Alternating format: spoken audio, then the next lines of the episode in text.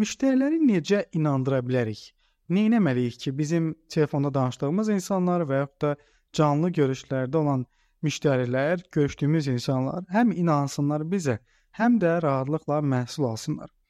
Bu gün bu mövzu ətrafında danışacağıq. Yeri gəlmişkən mənim adım Kamaldır. Aranızda ola bilsin ki, podkastda yeni qoşulan insanlar ola bilər. Mən satış təlimçisiyəm və 8 ildən yuxarıdakı yerli və beynəlxalq iş təcrübəsinə sahibəm. Müştəriləri müştəriləri inandırmaq məsələsi ilə bağlı ə, bir neçə nüansa toxunacağam. Deməli özümün qeydlərim var, onu açım ki, onun üzərindən danışım. Bu insanları inandırmaq məsələsi, müştəriləri inandırmaq məsələsi nə dərəcədə önəmlidir satışda? Biraz buna toxunmaq istəyirəm. Baxın, ə, bu yəni 2023-cü ildir. Bu 1990-cı illər deyil və yaxud da 2000-ci illərin, yəni 21-ci əsrin əvvəlləri deyil.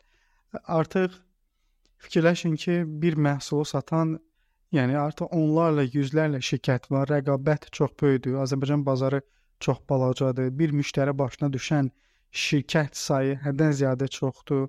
Yəni bir nəfər üzərində çoxlu rəqabət var. Və fikirləşin ki, sizdən öncə həmin o müştəri ilə görüşən və danışan insanların əksəriyyəti də onu inandırmağa çalışırlar ki, ay Əli bəy, inanın mənə e, bizim məhsulumuz çox yaxşıdır, həyatınızı dəyişəcək, biznesiniz dəyişəcək, razı qalacaqsınız 100%, milyon faiz hər nədirsə. Yəni bunu hamı deyir də. Yəni sən heç kimi görməzsən deyə ki, Əli bəy, əslində bizim məhsulumuz o qədər faydalı olmayacaq, amma özünüz bilərsiniz də. Yəni bunu heç kim deyən deyil. Yəni öz qatığına heç kim, öz aranına heç kim tuş deyən deyil. Hamı inandırmağa çalışır, elədir. Və müştəri də bunu çox gözəl bilir. Bu günümüzün müştərisi ə, bir növ maariflənmiş insanlardır. Onlar çox gözəl bilirlər kimlər nə satırlar. Onlar çox gözəl və rahat şəkildə girib reviewları oxuya bilirlər ki, okey, Filan kəs A məhsulunu alıb nə düşünür? Feedbackləri oxuyur. Yəni artıq məlumat əlçatandır. Elədir, internet hər şeyi hamı üçün əlçatan eləyib. İndi baxın, sən və mən, elədir, bizlər müştərilərlə danışanda nə qədər ki onları inandırmağa çalışacağıq, Yəni bu inanc şəklində bizim beynimizdə var ha. Yəni müştəri mütləq mənə inanmalıdır. Özümü 100% onu mən inandırmalıyam ki, o məndən məhsul alsın. Belə bir inanc beynimizdə formalaşanda bilirsiniz nə olur? Baxın, bu bizim səs tonumuza, bu bizim söz və cümlə seçimimizə və eyni zamanda bədən dilimizə sirayət eləyir. Elədirmi? Ona görə də biz bu inancı bütünlükdə beynimizdə yığışdırmalıyıq ki, əslində müştərini inandırmaq bizim bizim pri prioritetimiz deyil sadəcə olaraq. Oldumu? Yəni müştərini inandırmağa çalışmamalıyıq. Ola bilsin ki, bu biraz qəribə səslənir, amma reallıq budur. Çünki siz nə qədər inandırmağa çalışsaz, səsinizdə nə qədər əzilsəz, büzülsəz, qarşı tərəf bunu çox gözəl hiss edəcək və biləcək ki, burada nə isə var. Bu şübhə yaradır insanlarda həmişə və səndən öncə danışanlar da o cür danışıblar, sən də bu cür danışırsan və müştəri müqayisəli düşündüyü üçün səni götürür, qoyur o biri ə, səndən öncə danışdıqları insanların eyni eyni sıraya. Yəni hamı kimi olandan sonra artıq demək olar ki, fərqli nəticə gözləmək ağılsızlıqdır.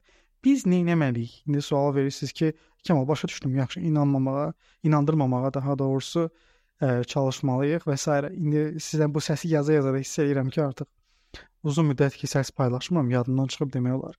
Necə səlis danışmalıyam və s. Okay. İnandırmamağa çalışacağıq, elədirmi? Bunun e, antidotu nədir? Bunun antidotu tamamilə neytral səslənə bilməkdir. Neytral səslənə bilməkdir. Yəni ki, siz qarşı tərəflə danışanda, insanlarla danışanda bir növ elə səslənməlisiniz ki, baxın mən bunu sizin üçün ə, peyzaj deyirlər, yoxsa portretin çizirəm də sizə elə danışmalısınız ki, bir anlıq fikirləşin, kimləsə danışırsınız, kimləsə görüşürsüz. Elə danışmalısınız ki, qarşı tərəfə elə təəssürat yaratmalısınız ki, sanki heç siz özünüz də əmin deyilsiniz ki, bu müştəri sizə uyğundur və yaxud da sizin məhsulunuz o müştəri üçün uyğundur ya yox.